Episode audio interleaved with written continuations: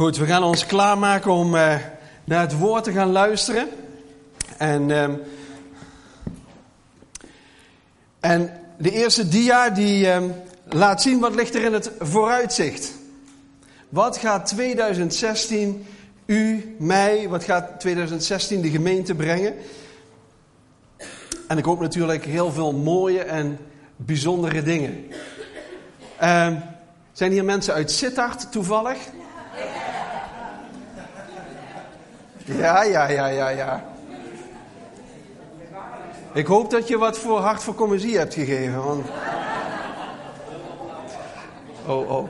Ja, dus ik geloof een of andere, eh, of de staatsloterij of de postcode loterij is daar gevallen, geloof ik, in Sittard, hè? Ja, hoeveel miljoen was het? 49,9 miljoen. Iemand sprak me daar net ook al over aan. Ik zeg, maar, maar wij hebben het eeuwige leven. Zo, als je sterft, dan neem je niks mee hoor.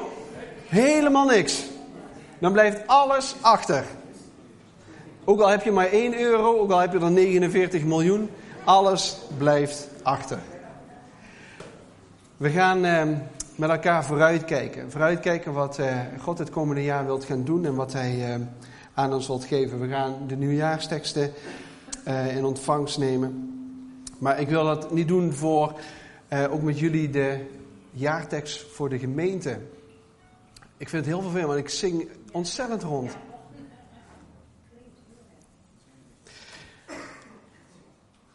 Um, in november, dan, uh, we doen dat meestal zo in de laatste helft van het, uh, van het jaar, dan gaan we met ons leidersteam drie dagen trekken we ons terug. Dan sluiten we ons op in een bunker en daar komen we dan niet meer uit. Nee hoor, dat valt echt wel mee. Maar we gaan dan drie dagen op visieweekend. we bespreken dan het afgelopen jaar, hoe dat het gegaan is. En we kijken uit naar het volgende jaar, wat, wat God daarin wil doen. En ik ben de maandagavond bidstond ontzettend dankbaar, want ze hebben voor ons gebeden in die periode. En we focussen ons echt op wat wil God het komende jaar gaan doen. Wat hebben we in de afgelopen tijd nou meegemaakt? Wat hebben we gezien? En wat zien we ook in de gemeente gebeuren? Dus wat vinden we zelf? Wat, zien, wat, horen we in de gemeente? Wat zijn verlangens? Wat zijn dingen waar dat mensen zich in uit willen strekken? Maar wat zien we ook wat God aan het doen is in de gemeente? Waar dat hij ons naartoe brengt en waar dat hij ons naartoe leidt. En uh, ja, vooral ook wat, wat wil God voor het komende jaar uh, ons op het hart leggen. Om ons te bemoedigen, om ons ook verder te helpen als gemeente. En ik denk de afgelopen jaren hebben we ontzettend veel zien veranderen in de gemeente. Zelfs de zaal is, uh, is in die zin veranderd. En we hebben uh, de afgelopen drie jaren hebben we met zo'n jaartekst gewerkt. En dat hebben we gedaan vanuit de visie binnenste buiten. En misschien dat je de volgende dia kunt, uh, kunt laten zien. Is het mogelijk om hem ook achter op het scherm te krijgen? En misschien dat u het nog een beetje kan herinneren. In 2012 hadden we de grote opdracht, Matthäus 28. Ga heen in de hele wereld en verkondig het evangelie.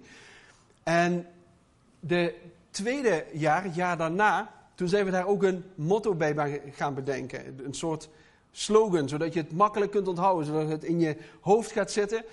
En zoals mijn zoon een, graag een liedje zingt, dit is een liedje en dat gaat je irriteren. En dan zingt hij dat tien keer achter elkaar. Zo is dat met motto's vaak ook. Je moet het gewoon blijven, blijven, blijven horen, totdat het helemaal op je harde schijf gaat zitten. En dat was ook met het grote gebod. Dicht bij God, dicht bij mensen. En dat was het motto wat we in 2013, eh, 2014 hadden. En het afgelopen jaar hadden we vernieuwd van binnen veranderd naar buiten. En dat was gebaseerd op de tekst 2 Korinthe 5, vers 17. Ik denk alle drie hele krachtige teksten. Die ons het afgelopen jaren ons hebben geholpen om te focussen, om richting te geven aan onze identiteit als gemeente. En voor dit jaar hebben wij denk ik ook een prachtige tekst gevonden. En die mag u met mij, uh, mee opslaan in Jozua hoofdstuk 1. Jozua hoofdstuk 1, vers 9. U kunt hem meelezen op de beamer. We geloven dat God opnieuw nieuwe dingen wil doen in deze gemeente. Als we zien wat het afgelopen jaar gebeurd is, wat er veranderd is, wat er heeft plaatsgevonden. Dan denk ik dat we nog maar aan de vooravond staan van wat God allemaal in deze gemeente en ook in deze omgeving met verschillende kerken samen wilt gaan doen. En hij staat in Jozua hoofdstuk 1, vers 9. En het boek Jozua is misschien wel, ja, misschien wel het mooiste boek wat er in het Oude Testament staat. Misschien, misschien heb je een voorkeur voor psalm of voor hooglied. Maar Jozua, dat is echt een boek vol van geloof. En uh, ja, vandaag zal een beetje duidelijk worden waarom. Daar staat de volgende tekst. Ik gebied je dus. Dus God geeft je hier een commando. Wees vastberaden en standvastig. Laat je door niets weerhouden of ontmoedigen. Want waar je ook gaat, de Heer je God staat je bij. Een geweldige belofte voor ons allemaal, ook voor ons als gemeente waar dat we ons naar mogen uitstrekken. En ik hoop dat je, we zijn natuurlijk gefocust op onze eigen jaartekst, maar het is zo ontzettend belangrijk om ook als gemeente verder te komen. Want als de gemeente verder komt, komt u verder en andersom precies hetzelfde. Als u verder komt, dan komt de gemeente ook verder. En we gaan daar vandaag, ik ga daar een inleiding op doen. En volgende week zullen we de aftrap geven voor, van de eerste um, serie in, um, in het nieuwe jaar. De eerste prekenserie. En die gaat met name over het eerste gedeelte van deze tekst. Um, ja. Nou, dacht ik, het is misschien ook wel goed om daar wederom een soort motto aan te verbinden. Zodat je dat zo, dit is een liedje en het gaat je irriteren. Dit is een liedje en het gaat je irriteren. Ja? Dus dat het in onze, op onze harde schijf staat en dat we het steeds opnieuw blijven herhalen. En dat we het terug blijven, blijven zien. En het motto wat we hier aan verbonden hebben is geroepen om te gaan. Geroepen om te gaan. En dat is eigenlijk een beetje vreemd. Want wat gebeurt er als je iemand roept? Dan komt hij. Maar de bedoeling is eigenlijk dat je gaat leren dat als God je roept, dat je bedoeld bent om te gaan, om erop uit te gaan, om verder te gaan, om een volgende stap te zetten. En het bijzondere is, en ik bad het net al, dat God eigenlijk het, God neemt het initiatief. Niet wij hebben het initiatief, maar God neemt het initiatief. Laten we een beetje de setting bekijken waarin dat dit verhaal zich begint te ontvouwen. Het volk had het volk van Israël was 40 jaar lang door de woestijn heen getrokken. En bestond uit ongeveer 2 miljoen mensen, verdeeld over 12 stammen. En Mozes was altijd hun leider geweest, had hun uit Egypte geleid en had nu het leiderschap overgedragen aan Jozua. En Jozua was een man van het leger, was een generaal, een aanvoerder en zijn rechterhand. En je kunt in Deuteronomium 31 lezen dat dat, dat dat leiderschap wordt overgedragen van Mozes op, uh, op Jozua. En we zullen daar de komende weken nog wel wat meer bij stil gaan staan. En daarna, en dan gebeurt er iets heel bijzonders, in het laatste hoofdstuk van Deuteronomium, net voordat je naar het boek Jozua gaat, daar lezen we dat Mozes sterft en dat hij begraven wordt. En hij wordt door God zelf begraven. Um, je moet het maar eens lezen, het is een prachtige uh, geschiedenis. Maar zo bijzonder dat, dat uh, God laat hem nog het beloofde land zien. Hij mag er niet intrekken. Maar God die begraaft hem daar. En nu staan ze eigenlijk voor dat beloofde land. Je moet je voorstellen, ze kunnen in de verte kunnen ze dat land zien. En al die tijd hebben ze daar zo ontzettend lang op gewacht. En misschien herken je dat van jezelf wel, dat je heel lang op iets wacht. En dan ineens in het vooruitzicht, iets verder door, zie je dat het gaat gebeuren, dat het gaat lukken. Ik kan me voorstellen dat je dan staat te popelen. En God die gaat daar Jozua heel persoonlijk toespreken. En dat stukje wil ik eventjes met jullie lezen. Vanaf het eerste vers tot en met het negende vers. En dat stuk mag je met name open laten liggen, want dat gaan we wat uiteen rafelen. In Jozua hoofdstuk 1, vers 1. Na de dood van Mozes, de dienaar van de Heer, zei de Heer tegen Jozua, de zoon van Nun en de rechterhand van Mozes. Nu mijn dienaar Mozes is gestorven, moet jij je gereed maken om met dit hele volk de Jordaan over te trekken. Ga naar het land dat ik het volk van Israël zal geven. Elk stuk grond dat je zult betreden, geef ik jullie, zoals ik Mozes heb beloofd. Jullie gebied zal zich uitstrekken van de woestijn tot aan de Libanon en van de grote rivier de Eufraat met het land van de Hethieten tot aan de grote zee in het westen. Zolang je leeft zal niemand je tegen je kunnen, tegen je kunnen standhouden. Zoals ik Mozes heb bijgestaan, zo zal ik ook jou bijstaan. Ik zal niet van je zijde wijken en ik zal je niet verlaten. Wees vastberaden en standvastig. Want jij moet het volk leiden wanneer ze het, volk, eh, wanneer ze het land veroveren dat ik hun zal geven. Zoals ik hun voorouders gezworen heb. En houd je voor alles vastberaden en standvastig aan de wet, waarin mijn dienaar Mozes je heeft onderwezen.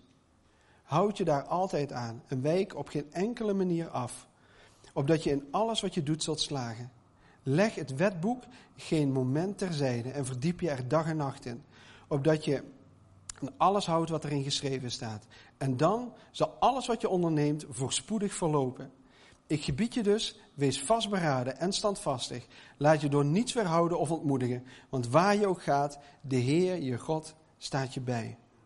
Het is een prachtig gedeelte en je zou eigenlijk kunnen zeggen dat het, het eerste gedeelte van Jozua, het eerste hoofdstuk en het laatste hoofdstuk, vormen als het ware een soort beschouwing. Een, uh, Jozua wordt als het ware warm gemaakt, wordt klaargemaakt om uh, aan de slag te gaan. En aan het einde kijkt hij terug op zijn leven en dan zegt hij die bekende woorden, maar ik en mijn huis, wij zullen de Here dienen. En precies daartussenin, dus in die 23 hoofdstukken die, die daar tussenin zitten, daar, vertelt, uh, uh, daar wordt het verhaal verteld van de strijd die ze hebben in het beloofde land en het leven daar in dat beloofde land.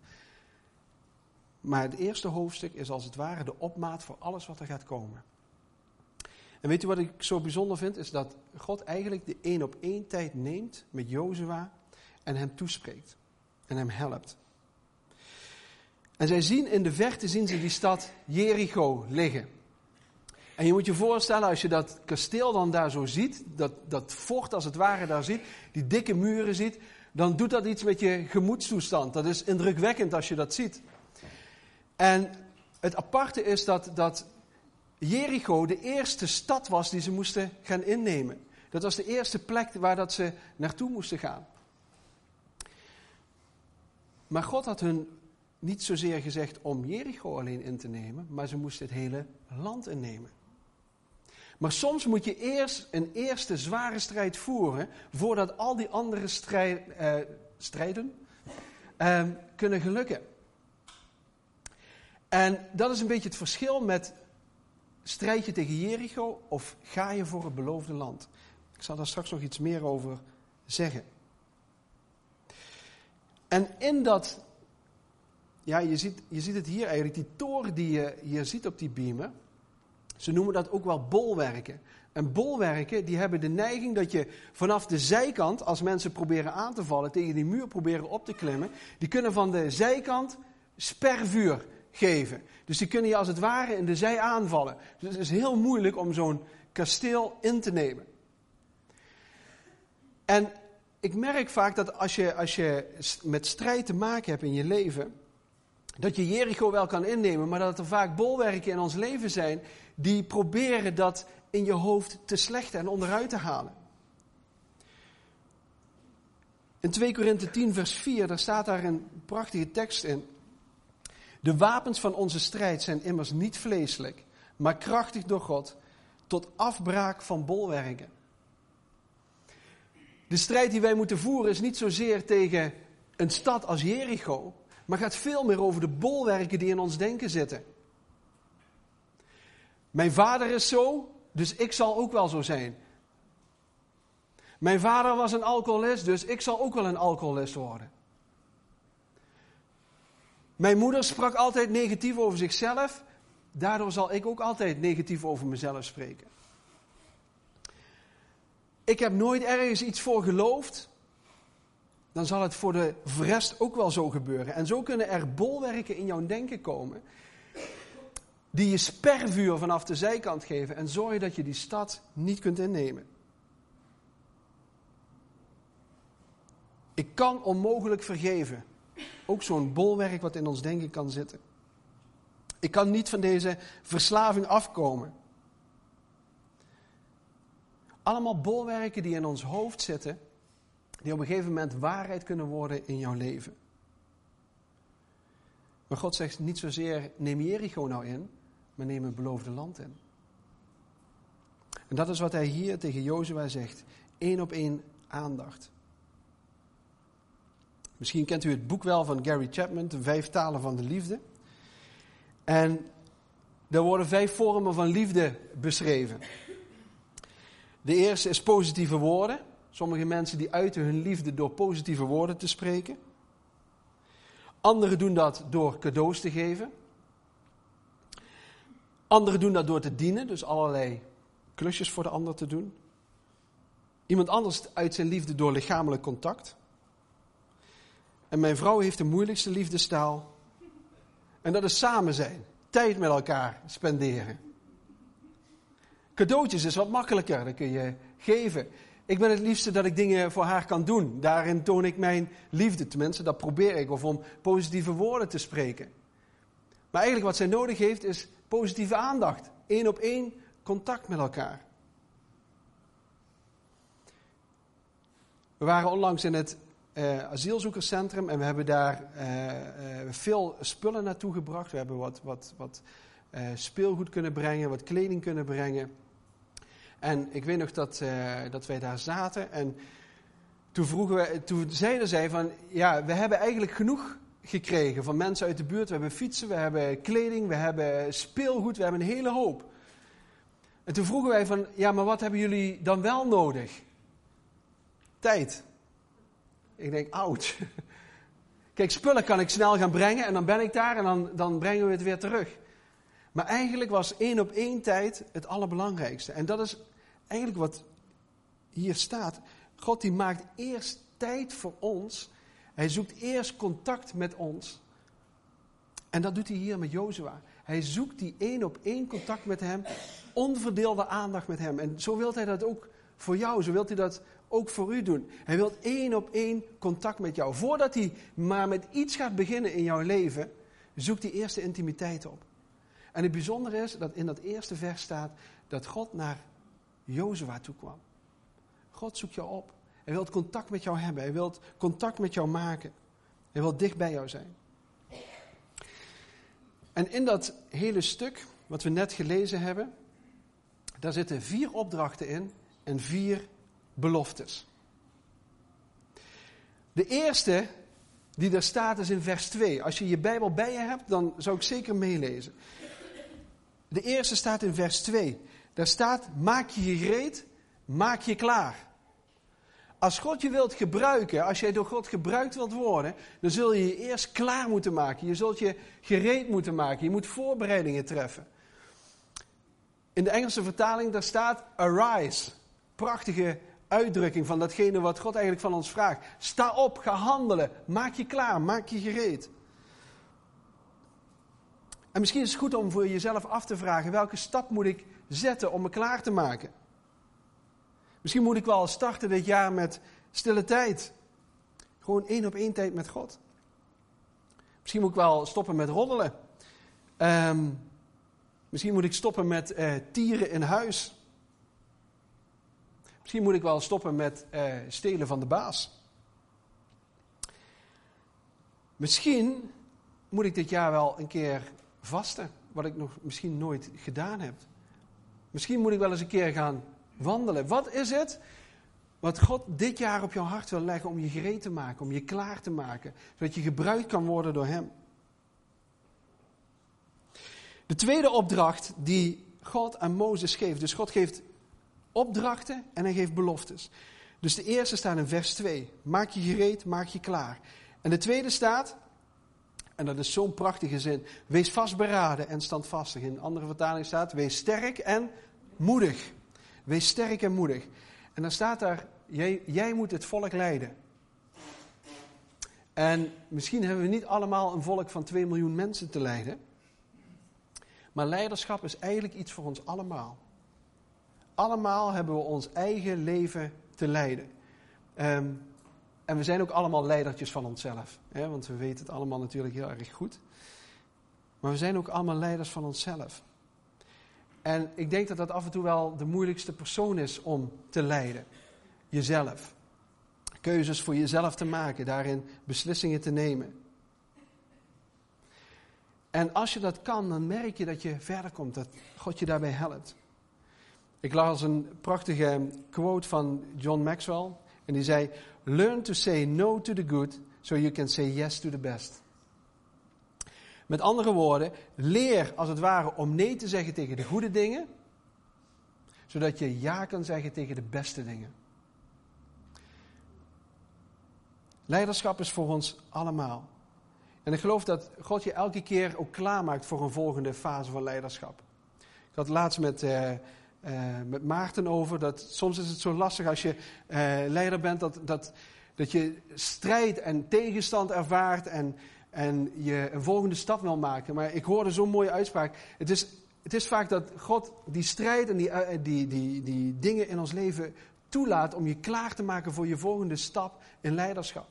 Ik weet niet of je zelf hier leiding geeft in de gemeente. Maar weet op het moment dat, God je aan het kneden is, aan het duwen is, aan het werken is aan je. Dat hij je klaarmaakt voor de volgende stap. En dat is hier met Jozua ook. Hij zegt eerst maak je gereed, maak je klaar. Want je moet vastberaden en moedig zijn. Want je gaat een volk leiden.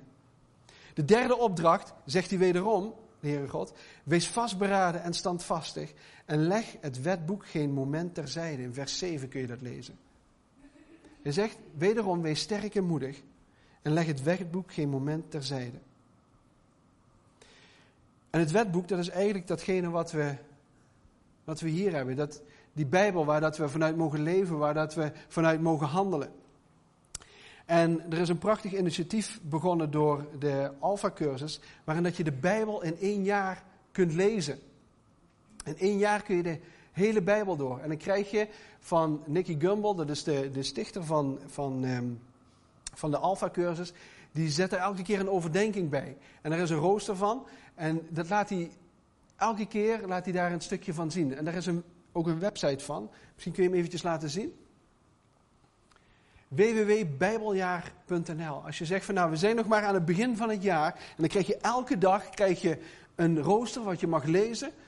En vervolgens krijgt, zit daar een overdenking bij. En samen met zijn vrouw heeft hij dat gelezen en elke keer een bemoediging voor elke dag weer opnieuw.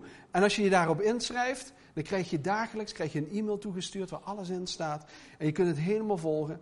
Over de hele wereld wordt het gedaan. En het is een prachtig Bijbelplan. Ik zou je echt willen adviseren, als je het moeilijk vindt om Bijbel te lezen, om je daarbij in te schrijven. Bijbeljaar.nl En het leuke is dat je dan de hele Bijbel hebt doorgelezen in een jaar. En ik weet dat, dat eh, volgens mij de, de groep hier in Schinnen en de groep in België, die hebben ook zo'n uitdaging, zijn ze aangegaan met elkaar om de Bijbel in een heel jaar door te lezen. Wie was er als eerste trouwens?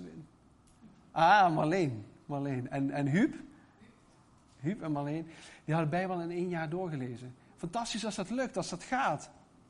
Maar laat het ook geen wet worden, maar voor jezelf. Maar de Heere God doet hier een soort oproep aan Jozua. Leg dat wetboek geen moment terzijde. En we leven nu in een heerlijke tijd waar dat je met je mobieltje, waar dat je met je iPad, waar dat je... Je hebt voortdurend Gods woord bij je. En je kunt het lezen als je in de trein zit, als je op de fiets zit. Je kunt het zelfs laten voorlezen. Er kan van alles. Waar dat je ook bent, als je tien minuten bij de, uh, bij, de, bij de dokter moet wachten, je hebt tijd om. Iedereen zit toch op zijn mobiel. Kun je net zo goed je Bijbel lezen. Maar hij roept Jozua op om de Bijbel niet naast zich neer te leggen. En dat roept hij ook aan ons op. De vierde opdracht. Wederom, wees vastberaden en standvastig en laat je door niets weerhouden of ontmoedigen. Wie heeft wel eens met weerstand te maken gehad in zijn geloofsleven en wie heeft wel eens met ontmoediging te maken gehad in zijn leven? Ja, ik kan beter vragen wie dat niet heeft meegemaakt en dan zijn hand opsteken. Maar ik geloof dat we dat allemaal in ons leven meemaken. Dat je weerstand ondervindt en dat je ontmoedigd raakt. Heerlijk hè, als dat gebeurt. Maar toch, ook al wist God dat hij dat ging meemaken, toch vond God het aan belangrijk om dat als een opdracht aan Jozua mee te geven. Jozua, luister goed. Eén ding moet je echt goed onthouden. Laat je door niets ontmoedigen en laat je door niks te neerdrukken. Laat je niet weerhouden. Het frappante is dat wij denken dat Jozua Jericho daar staat in te nemen. Dus ze lopen dan om die stad heen, dertien keer. En uiteindelijk vallen die torens en die muren die vallen neer. En, maar als je in Jozua 12 verder het verhaal leest, dan lees je dat Jozua niet alleen Jericho moest innemen, maar hij moest ook allerlei koningen overwinnen. Niet één, niet twee, niet drie, maar 31 koningen moest hij overwinnen. Dus elke keer opnieuw moest hij de strijd aangaan. Elke keer moest hij de strijd aanbinden. En daarom is het zo goed om te horen dat als jij te midden van zo'n strijd zit, dat je je niet laat ontmoedigen. Dat je je niet laat weerhouden. Het bijzondere is dat als God een opdracht geeft, dat hij er ook een belofte aan verbindt. Zo is God. Hij zal je niet zomaar op weg sturen en je vervolgens geen belofte geven. Dus vier opdrachten had hij. Maak je gereed, arise, wees vastberaden en standvastig, want je moet dit volk leiden. De derde was, wees vastberaden en standvastig en leg dat wetboek geen moment terzijde. En het vierde, laat je door niets weerhouden of ontmoedigen. Laat je niet onderuit halen. En dan gaat God vier beloftes aan Jozua meegeven in datzelfde stuk. Hij zegt, als je al die opdrachten doet, als je dit gaat uitvoeren, dan zal ik je ook vier beloftes meegeven. Hij zegt namelijk in vers 3, elk stuk grond wat jullie zullen betreden, dat geef ik jullie. Het is niet zo dat hun die strijd hebben moeten aangaan, het is niet zo dat hun dat hebben moeten doen, maar God zei tegen hun, ik ga jullie dat land geven. Ik ga jullie die overwinning geven. Ik heb het jullie beloofd. Ik beloof dat ik jullie nabij zal zijn. Ik kwam een prachtig plaatje tegen. En daar zag ik de volgende stap bij, of de volgende spreuk bij. Zet een stap vooruit en groei, of zet een stap terug naar veiligheid. Zet een stap vooruit en groei, of zet een stap terug naar veiligheid. Kijk, als je op het punt staat om een stap te zetten, dan vraagt dat moed, dan vraagt dat durf, dan vraagt dat om terrein te betreden waar je nog nooit eerder geweest bent. Dat is spannend. Dat kan je angstig maken. De andere optie is dat je blijft staan of dat je een stap terugzet. En dat is veilig, want dat ken je, dat is vertrouwd. Maar het allermooiste zou toch kunnen zijn dat we, net zoals dat jongetje, iets doen wat we eigenlijk niet durven, maar toch heel graag zouden willen. En God die zegt hier het volgende tegen ons. Elke stap grond die je zult zetten, dat zul je beërven, dat zul je bekomen. En juist als je in zo'n tijd leeft van ja, ik weet toch wat er altijd over mijn leven is uitgesproken, dat zal nooit gebeuren, dat zal nooit lukken. God die leidt jou weg. God die helpt jou daarbij. De tweede, ook zo'n prachtige, in vers 5. Zolang je leeft, zal niemand tegen je kunnen standhouden. Zoals ik Mozes heb bijgestaan, zo zal ik jou ook bijstaan. God beperkt zich niet tot een bepaalde generatie. Het zal niet zo zijn dat hij één generatie wel helpt en de volgende generatie niet. Hij verbindt elke keer zijn belofte aan de volgende generatie. Hij geeft het door. En we zullen dat ook lezen in Deuteronomie 31, dat Mozes dat als het ware overgeeft aan Jozua. Kom op jongen, je kunt het. Wees vastberaden en standvastig. De Heere zal je bijstaan. En God die werkt precies met dat kleine beetje wat jij hebt. Ook al zeg je van ja, ja maar Heer, ik heb maar zo weinig energie. Die kleine energie, dat kan God gebruiken. Vader, maar ik heb maar zo weinig kwaliteit. Kijk eens naar die of kijk eens naar die. God kan het gebruiken. Heer, ik heb maar zo weinig financiën. Ik heb maar zo weinig te geven. God kan het gebruiken. Vader, ik heb maar Zo'n klein geloof. God kan er mee werken. De derde, de derde belofte. Ik zal niet van je zijde wijken en ik zal je niet verlaten. In vers 5 staat dat. Dit is voor mij misschien wel de, de meest ehm, ja, mooie tekst die hierin staat. Omdat ik voor mezelf ook steeds ervaar dat als, als je denkt van ja, het is spannend, het is moeilijk. Het helpt mij zo om te weten dat God erbij is. Dat hij naast mij is. Dat hij me helpt. Dat hij al een stap voor mij heeft gezet en dat ik die volgende stap mag gaan. Hij is de God die bij ons is. Met kerst dan herdenken we God, ehm, God is met ons, Immanuel. Um, we zingen dat lied en dat, ja, dat is een, ook een prachtig lied. Heer, u bent altijd bij me. U bent voor mij, u bent naast mij en u bent om mij heen. De Heer is voortdurend om jou heen. Hij is naast je, hij wil je helpen.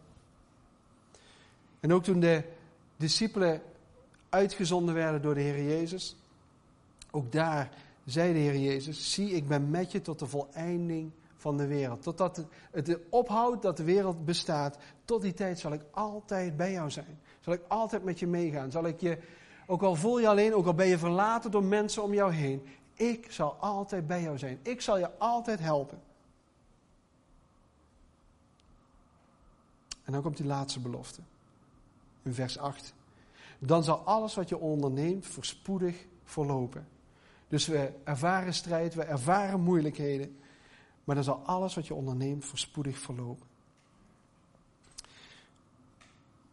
Ik moest zo denken aan. Um, je, hebt, je zou twee categorieën kunnen maken van mensen. Je zou kunnen zeggen: er zijn mensen dat zijn woestijnmensen, die zijn als het ware nog altijd met dat beeld van ik loop in die woestijn rond, ik loop in die woestenij rond. Het gaat me niet lukken, het zal niet lukken, het zal niet gebeuren.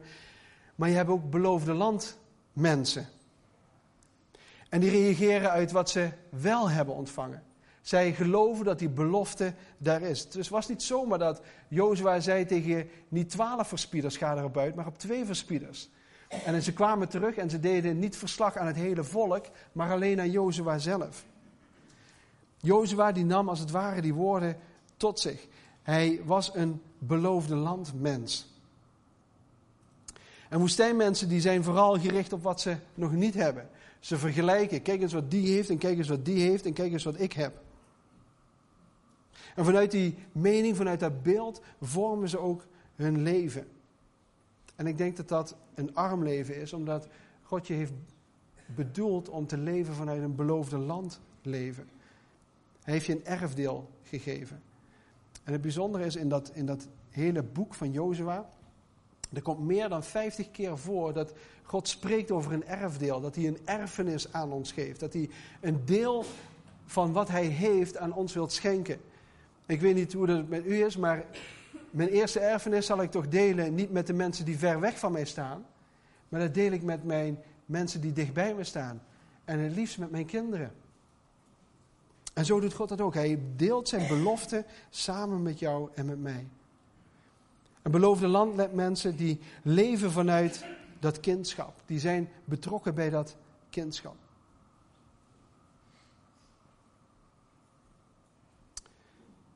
Vier beloften, vier opdrachten die God aan ons geeft. Ik ben blij dat God ons met een opdracht ook een belofte geeft. Dat hij bij je is, dat hij je helpt. En weet u, de Bijbel bevat meer beloftes dan opdrachten. Er staan in totaal 7000 beloften van God aan mensen. Waarin dat hij dingen belooft aan mensen, dat hij bij je zal zijn, dat hij je zal helpen, dat hij je nabij zal zijn. En ik denk dat de grote sleutel is door je niet te focussen op de opdracht die hij je geeft, maar je te richten op de belofte die hij aan je geeft. Zo belangrijk om te weten dat hij daarin nabij is. En de stappen die je daarin gaat zetten. De sleutel is niet zozeer de overwinning van Jericho, maar veel meer de inname van dat beloofde land. Stap voor stap. Stap voor stap. En ook voor jouw probleem, voor jouw situatie geldt ook elke dag een stapje. Elke dag een tekst. Elke dag een duw in de goede richting. Elke keer weer een stap zetten. En misschien gaat dit jaar wel een heel bijzonder jaar voor jou worden. Misschien ga je wel met een nieuwe baan beginnen. Misschien begin je wel je eigen zaak of je eigen bedrijf. Misschien word je wel zwanger. Misschien ben je al zwanger. Uh, misschien ga je wel trouwen. Misschien ga je een hele hoop verschillende dingen meemaken. Ik weet niet welke uitdagingen dat er liggen. Misschien ga je wel wat meer sporten. Misschien ga je wel wat meer fietsen. Misschien koop je wel een elektrische fiets.